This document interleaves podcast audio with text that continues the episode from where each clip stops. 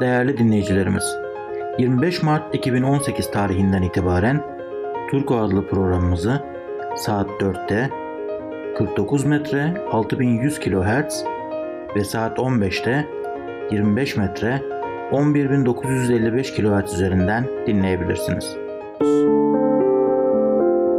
Sayın dinleyicilerimiz, Adventist World Radyosu'nda Yeni Başlangıç magazinini dinliyorsunuz.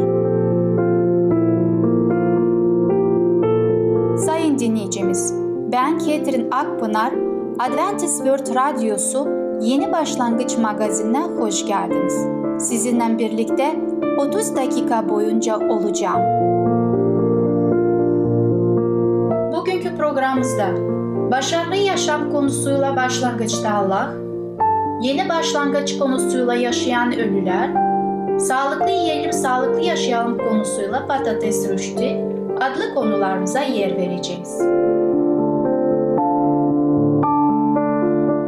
Sayın dinleyicilerimiz, Adventist World Radyosunu dinliyorsunuz. Sizi seven ve düşünen radyo kanalı.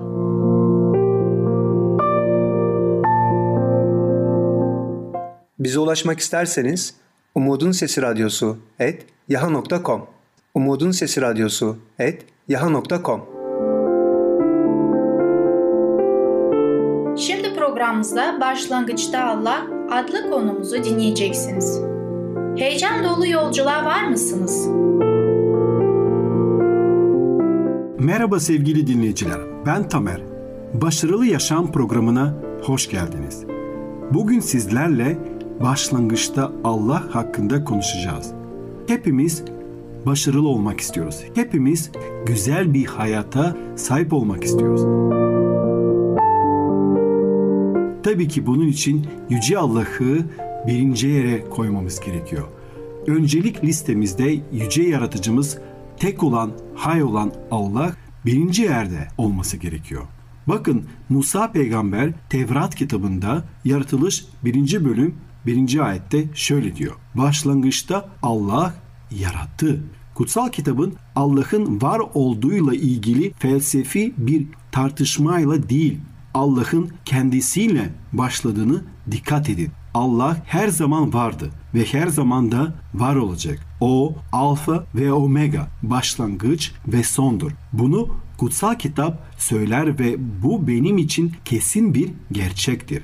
Allah'ın kendisinin bir başlangıcı olmadığı halde başlangıçlar Allah'la başlıyor. Yaratılışın bütün Allah'la başlamıştır.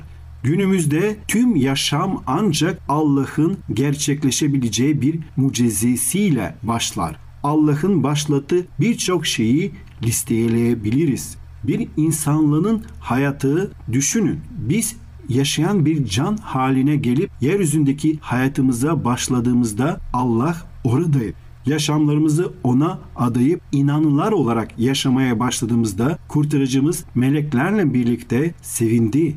Evet, evli olanlarımızın büyük bir olasılıkla evlilik hayatımıza Rabbin hizmetkarların gerçekleştirdiği bir törenle Rabbin evinde ve Rabbin kutsamasıyla ve duasıyla başlamıştırlar. Allah çeşitli başlangıçlarda bizimle birlikte olmuştur ve o bu hayatın zorluklarından geçerken daima ve daima bizimle birliktedir. Nereye, hangi işe başlarsak, okula, üniversiteye, kariyere ne olursa olsun ve evlilik mi, aile mi kurmak istiyoruz? O zaman daima bunu Yüce Allah'a danışarak Allah'la birlikte yapmamız daha sağlıklı ve daha iyi olur.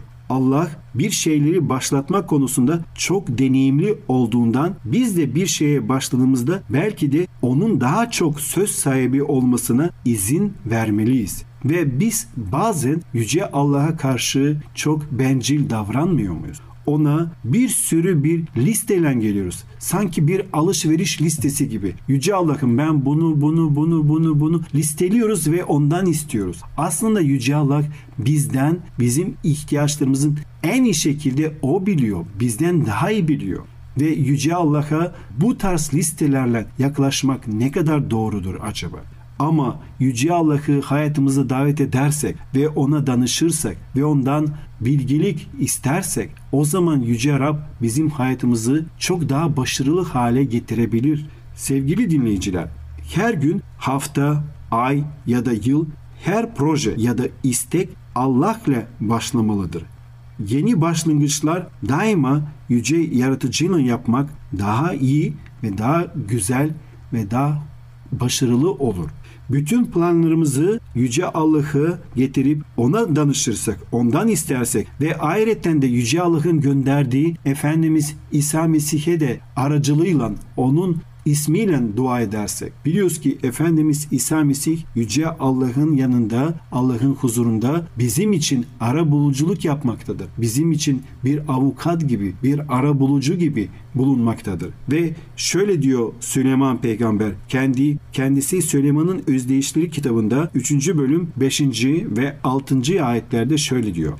Rabbe güven bütün yüreğinle. Kendi aklına bel bağlama. Yaptığın her işte Rabbin an. O senin yolunu düze çıkarır. Sevgili dinleyiciler, eğer istiyorsak bizim yollarımız yok oluşa giden yollar olmasın. Tam tersine cennete giden yollar olsun. Mutluluğa giden yollar olsun. Esinliğe, huzura, başarıya giden yollar olsun. O zaman tabii ki biz ne yapacağız? Yüce Allah'a danışacağız. Bu hayatın kargaşasında, bu hayatın fırtınasında daima Yüce Allah'ı bizim yaşamımızın dümenine yönetmesine izin verirsek o zaman bizim hayatımız gerçek anlamda başarılı bir yaşam olacak. Evet sevgili dinleyiciler, unutmayalım ki Yüce Allah'ın tecrübesi bizim tecrübemizden çok daha kat kat üstündür. Ve bazı olaylarda biliyoruz ki sadece bizim kendi becerilerimizle, kendi çabalarımızla olmuyor. Biz olayları bir yere kadar getirebiliriz. Biz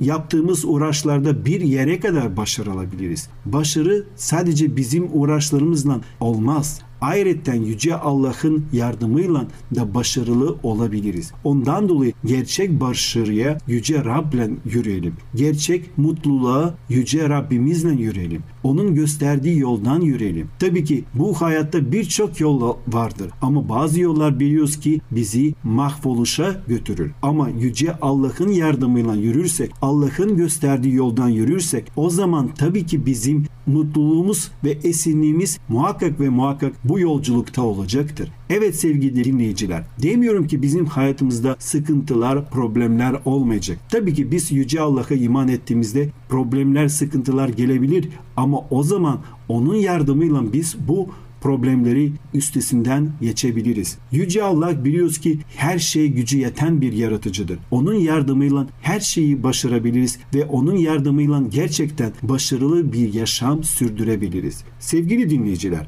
Bazen biz hayal kırıklığını da uğrayabiliriz. Bazen düşüşler de yaşayabiliriz. Ama biliyoruz ki her düşen Yüce Allah'ın yardımıyla ona güvenerek, ona yalvararak ayağa kalkabilir. Biz de kalkabiliriz. Rabbimize güvenerek, Rabbimize iman dolu bir yaşam sürdürerek, onun gösterdiği yoldan yürüyerek biz mutlu yarınlara gideceğiz.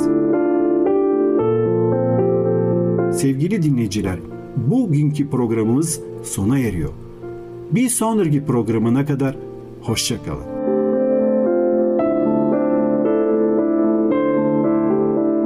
Sevgili dinleyicimiz, Başlangıçta Allah adlı konumuzu dinlediniz. Gelecek hafta pazar günü Başarılı Yaşam adlı programımızı aynı saatte dinleyebileceksiniz. Sayın dinleyicilerimiz, Adventist World Radyosunu dinliyorsunuz. Sizi seven ve düşünen radyo kanalı.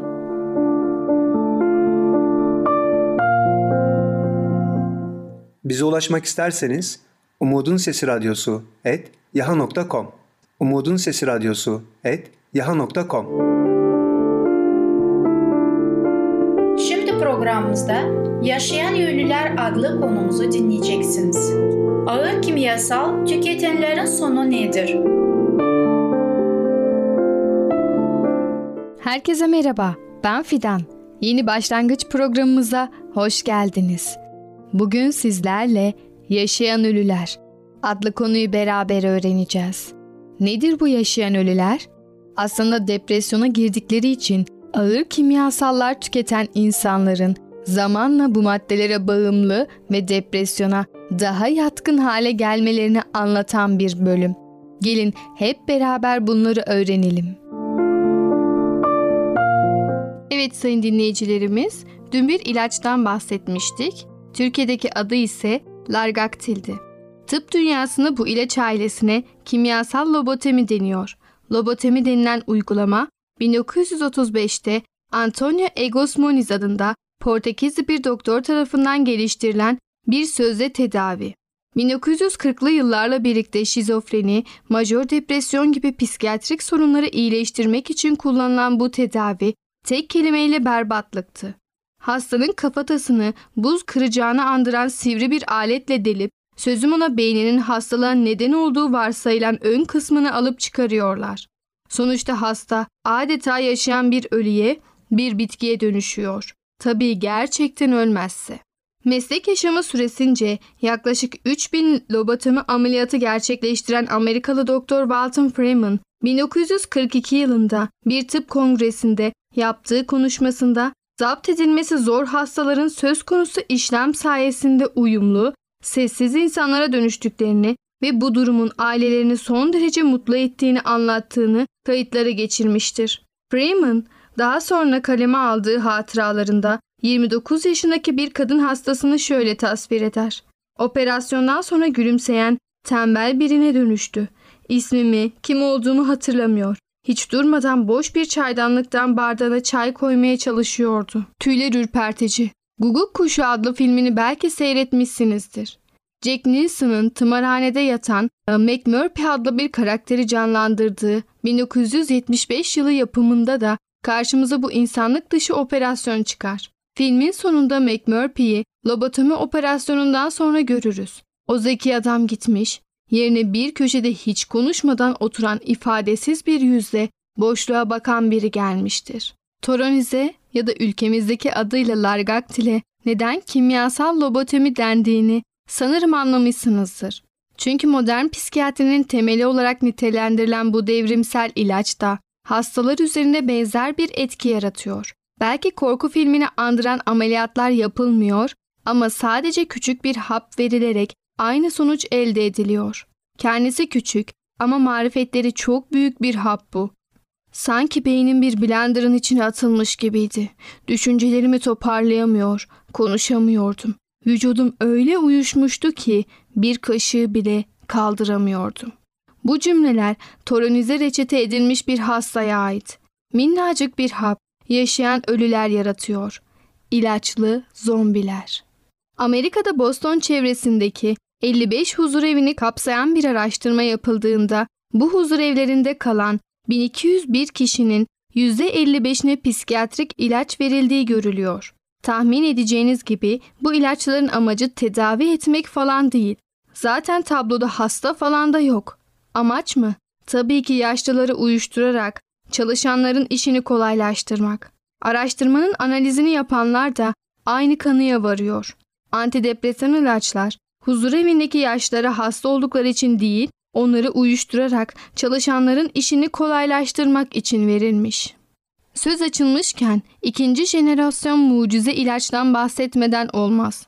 1987'de piyasaya çıkan Prozac öyle bir mucizeydi ki ruh hastalıklarının sayısını tek başına katlayarak arttırmayı başardı. 2005'te yayınlanan Bir Salgının Anatomisi, Psikiyatrik ilaçlar ve Amerika'da ruhsal hastalıkların inanılmaz artışı. 50 yıllık literatürü tarayarak yazılmış son derece kapsamlı bir çalışmadır. Makale, 1955'ten 2005'e kadar ruhsal bozuklukların tam 6 kat arttığına dikkat çekiyor. Tabi aradan geçen 10 yılda bu sayının daha da arttığını varsaymak için kahin olmak gerekmiyor. Makaleden bir alıntı yapmak istiyorum. Bilimsel yayınlara baktığınızda bu salgını yani ruhsal bozuklukların artışını ilaç odaklı tedavilerin beslediği görülüyor. İlaçlar hastayı kronik hasta haline getirmekle kalmıyor. Aynı zamanda hastalarda yeni ve çok daha ciddi psikiyatrik semptomlar görülmesine neden oluyor. İnsanlara hala bu ilaçların anormal beyin kimyasını düzenlediği söyleniyor. Ama bu hipotez hiçbir zaman kanıtlanmadı. En önemlisi de bu ilaçlar sizin kronik olarak hasta olmanıza neden oluyor. Bir hastaya ne kadar uzun ilaç tedavisi uygularsanız hastanın depresyona karşı eğilimi de o kadar artıyor. Yani hastaya ileriki yaşamında tekrar tekrar depresyona girmesine neden olan bir ilaç reçete etmiş oluyorsunuz. Bahsettiğim makaleden çok çarpıcı bir alıntı daha yapmak istiyorum. Depresyon teşhisi konan bir hastaya ilaç tedavisi uyguladığınızda sadece onun tekrar ve daha ağır bir depresyona girme riskini artırmakla kalmıyorsunuz. Veriler hastanın bir gün bipolar bozukluğu gibi daha ciddi psikiyatrik sorunla karşınıza gelme riskini de katladığınızı gösteriyor. Ve bu defa da daha ağır ilaçlardan oluşan bir kokteyle geçiliyor. Bu laf salatası değil, yarım asırlık bir literatür taranarak elde edilmiş veriler. Kısa vadede işe yaramış gibi görünen ilaç tedavisinin uzun vadede nasıl kötü sonuçlar doğurduğunu gösteriyor. Evet sayın dinleyicilerimiz, bugün de yavaş yavaş programımızın sonuna geldik. Bugün de doktorumuzun bakış açısından çok farklı şeyler öğrendik. Antidepresan ilaçlar bizi zamanla daha da bağımlı ve daha da kötü bir hale getirebilir. Tabii ki tıbbımıza, doktorlarımıza güvenmeliyiz. Fakat yine de her zaman ağır kimyasallar kullanmadan önce dikkatli ve temkinli olmalıyız. Daha sonra düzeltemeyeceğimiz daha büyük ciddi sorunlara meydan vermemek için bunları yapmalıyız. Yediklerimize dikkat etmeli ve dua etmeyi ihmal etmemeliyiz. Evet sayın dinleyicilerimiz, bir sonraki programımızda görüşene kadar kendinize çok iyi bakın ve sağlıcakla kalın. Sevgili dinleyicimiz, Yaşayan Ölüler adlı konumuzu dinlediniz. Gelecek hafta pazar günü Yeni Başlangıç adlı programımızı aynı saatte dinleyebileceksiniz. Sayın dinleyicilerimiz, Adventist World Radyosunu dinliyorsunuz. Sizi seven ve düşünen radyo kanalı.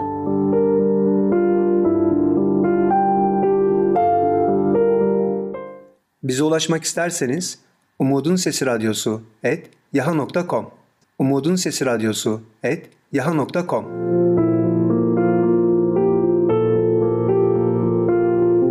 Şimdi programımızda Patates Rüştü adlı konumuzu dinleyeceksiniz.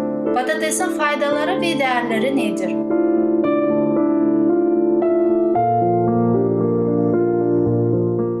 Merhaba sevgili dinleyicimiz. Sağlıklı Yiyelim Sağlıklı Yaşayalım programda buluşmaktan çok mutluyum. Bugün sizlerle yeni bir yemek tarifiyle paylaşmak istiyorum. O da patates rüştü. Alman ve İsviçre mutfağının vazgeçilmez malzemelerinden biri olan patatesi bu mutfaklarda her şekliyle görmeniz mümkündür. Patates ile yapabilecek en güzel tariflerden biri de bu mutfaklardan çıkmıştır. Görüntüsüyle oldukça cezbedici olan rüşti, ilk yapıldığı zamanlarda tıpkı bizim severek tükettiğimiz patatesli yumurta gibi kahvaltıda tüketilirmiş. Daha sonra da ana yemeklerde yan yemek olarak da tüketilmeye başlanmış. Size bir sır vereceğim. Bizim yumurtalı yaptığımız patates, patatesi daha önce bolca kızartıyoruz. Fakat burada patatesin haşlanmış olması bizim sağlığımız için çok daha faydalıdır. Renkli olması çok hoş bir görünüm yaratır. Ayrıca şunu da söyleyebilirim. Onu kahvaltıda yemeniz hiçbir sakıncası yoktur. Çünkü unutmadıysanız kahvaltımız çok zengin olmalıdır ve bütün günü için beyin çalışması için enerjiye ihtiyaç vardır. Yapımı oldukça basit olmasına rağmen dikkat edilmesi gereken püf noktaları da vardır. Örneğin rendelemeden önce haşlayacağımız patateslerin çok fazla haşlanıp yumuşamaması gerekiyor. Dış kısmı hafif yumuşadığında rendeleme hazır demektir. Zaten rendelerken hafif yumuşak ve sert dokuyu hissedeceksiniz. Ayrıca tavanın ısısını da sürekli kontrol altında tutmak önemlidir. Çok yüksek ateş için pişmesini engelleyip dışını yanmasına sebep olabilir. Bu püf noktalara dikkat ettikten sonra oldukça kolay hazırlayabileceğiniz bir tarifedir. Ben ekstradan bunun içine ekşil kırmızı biber ve yeşil soğanın yapraklarını doğradıktan sonra onları da içine ilave etmiş oluyorum. Tabii ki bu görünüş ve lezzette de katkı vermektedir. Bu şekilde dilerseniz bir öğün olarak, dilerseniz et yemeklerinizle birlikte tüketebilirsiniz. Patatesi sevenler için bu muhteşem bir yemektir. Ayrıca çocuklarımıza da çok faydalı olacaktır. Tarifimiz için kullanacağımız malzemelere bir bakalım. Evet, 3 adet patates haşlanmış, rendelenmiş. 1 çay kaşığı tuz, 1 çay kaşığı karabiber, 1 çay kaşığı pul biber, 1 yemek kaşığı tereyağı, 100 gram rendelenmiş kaşar peynir, 1 adet kapya biber doğranmış şekilde, 1 adet yeşil biber doğranmış şekilde, yarım demet taze soğan doğranmış haliyle 100 gram kaşar peynir rendelenmiş. Artık malzemelerimiz önümde olduğuna göre yapılışa geçebiliriz. Peki nasıl yapacağız? Patatesleri kaynar suda dış kısmı hafif yumuşayana kadar kaynatın ve ocaktan alın. Soğumuş patatesleri rendeleyin ve ayrı bir tavada bir yemek kaşığı sıvı yağ ile biberleri ve taze soğan soteleyin ve ocaktan alın. Daha lezzetli olması için ayrı bir kasede rendelenmiş olan patatesleri içine tuzu, pul biberi ve karabiberi koyarak iyice karıştırın. Yağladığınız ve ısıttığınız diğer tavaya rendelenmiş olan patatesi yarısını tavaya koyun ve bastırarak güzelce düzeltin. Tavanın dibinde düzeltilmiş olan patatesin üzerine 100 gram kaşar peyniri, rendelenmiş peyniri koyarak onları da güzelce koyabilirsiniz. Arkasından sotelediğimiz kırmızı biber, yeşil biber ve soğanı koyabilirsiniz. Onları da eşit şekilde tavan üzerinde kaşar peynirin üzerinde yayabilirsiniz. Geri kalan kaşar peyniri sotelenmiş olan biberin soğanların üzerine tekrar koyabilirsiniz. En son olarak geri kalan patatesi de aynı biçimde üzerine koyarak eşit bir şekilde düzelterek ve iyice bastırarak onları koyabilirsiniz. Kısık bir ateşte bu patates kızarana kadar beklememiz gerekiyor. Sonra düz bir tencere kapağı yardımıyla rüştiyi ters çevirin ve diğer tarafı da kızarana kadar pişirin.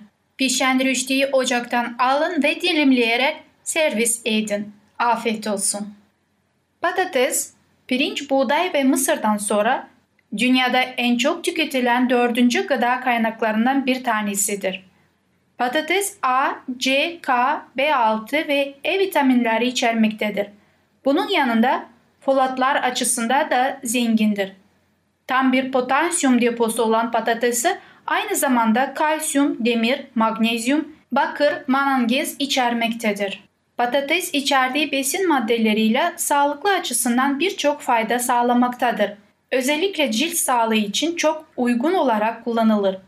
Cilt bakımın ürünleri ve maskelerinde bol miktarda patates kullanılır. Bunun en büyük sebebi patatesin bol miktarda C vitamini içermesidir. Bunun dışında patates saç ve sindirim sistemin sağlığına önemli derecede katkıda bulunmaktadır. Patates en fazla cilt sağlığına faydalıdır. Bu özelliğinden dolayı çok yaygın olarak kullanılır. Patates göz etrafından oluşan mor halkaların gidermesine yardımcı olabilir. Göz etrafındaki siyah halkaları gidermek için gözlerinizi kapatın ve üzerine bir selpak koyduktan sonra daha önce dilimlediğiniz patatesleri gözleriniz üzerine koyun ve 15-20 dakikaya kadar bekleyin. 20 dakika sonra yüzünüzü ılık suyla yıkayın.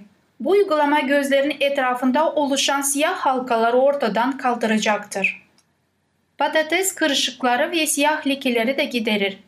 Cilt sağlığı açısından patatesin diğer bir faydası cilt üzerinde meydana gelen kırışıklık ve siyah lekeleri gidiyor olmasıdır. Kırışıkları giderdiği gibi aynı zamanda cilde doğal bir yumuşaklık katabilir. Siyah lekelerden kurtulmak için ise blenderda patates iyice öğütüp 5 dakika boyunca cilde uygulayın ve daha sonra ılık su ile cildinizi yıkayın. Bu uygulama sayesinde siyah lekelerden kurtulabilirsiniz. Bunu düzenli olarak 20 gün boyunca yapabilirsiniz.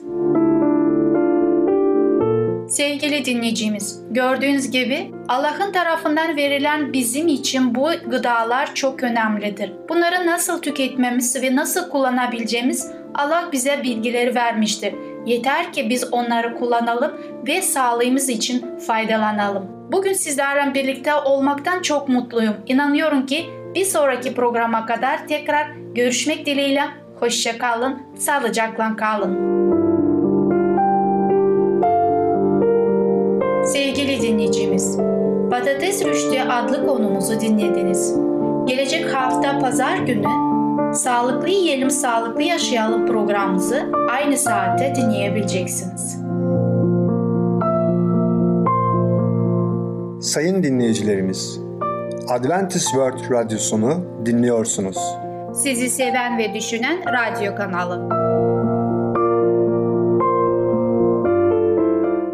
Bize ulaşmak isterseniz Umutun Sesi Radyosu et yaha.com Umutun Sesi Radyosu et yaha.com Sevgili dinleyicimiz, programı şu sözlerle bitirmek istiyorum. Her zaman sevinin, sürekli dua edin, her durumda şükredin. Çünkü Allah'ın Mesih İsa'da sizin için istediği budur. Sevgili dinleyicimiz, gelecek programımızda ele alacağımız konular Masum insanlar, tövbe, İsrail halkı ve Musa'nın hikayesi. Bugünkü programımız sona erdi. Bizi dinlediğiniz için teşekkürler. Bir sonraki programa kadar görüşmek dileğiyle. Hoşça kalın.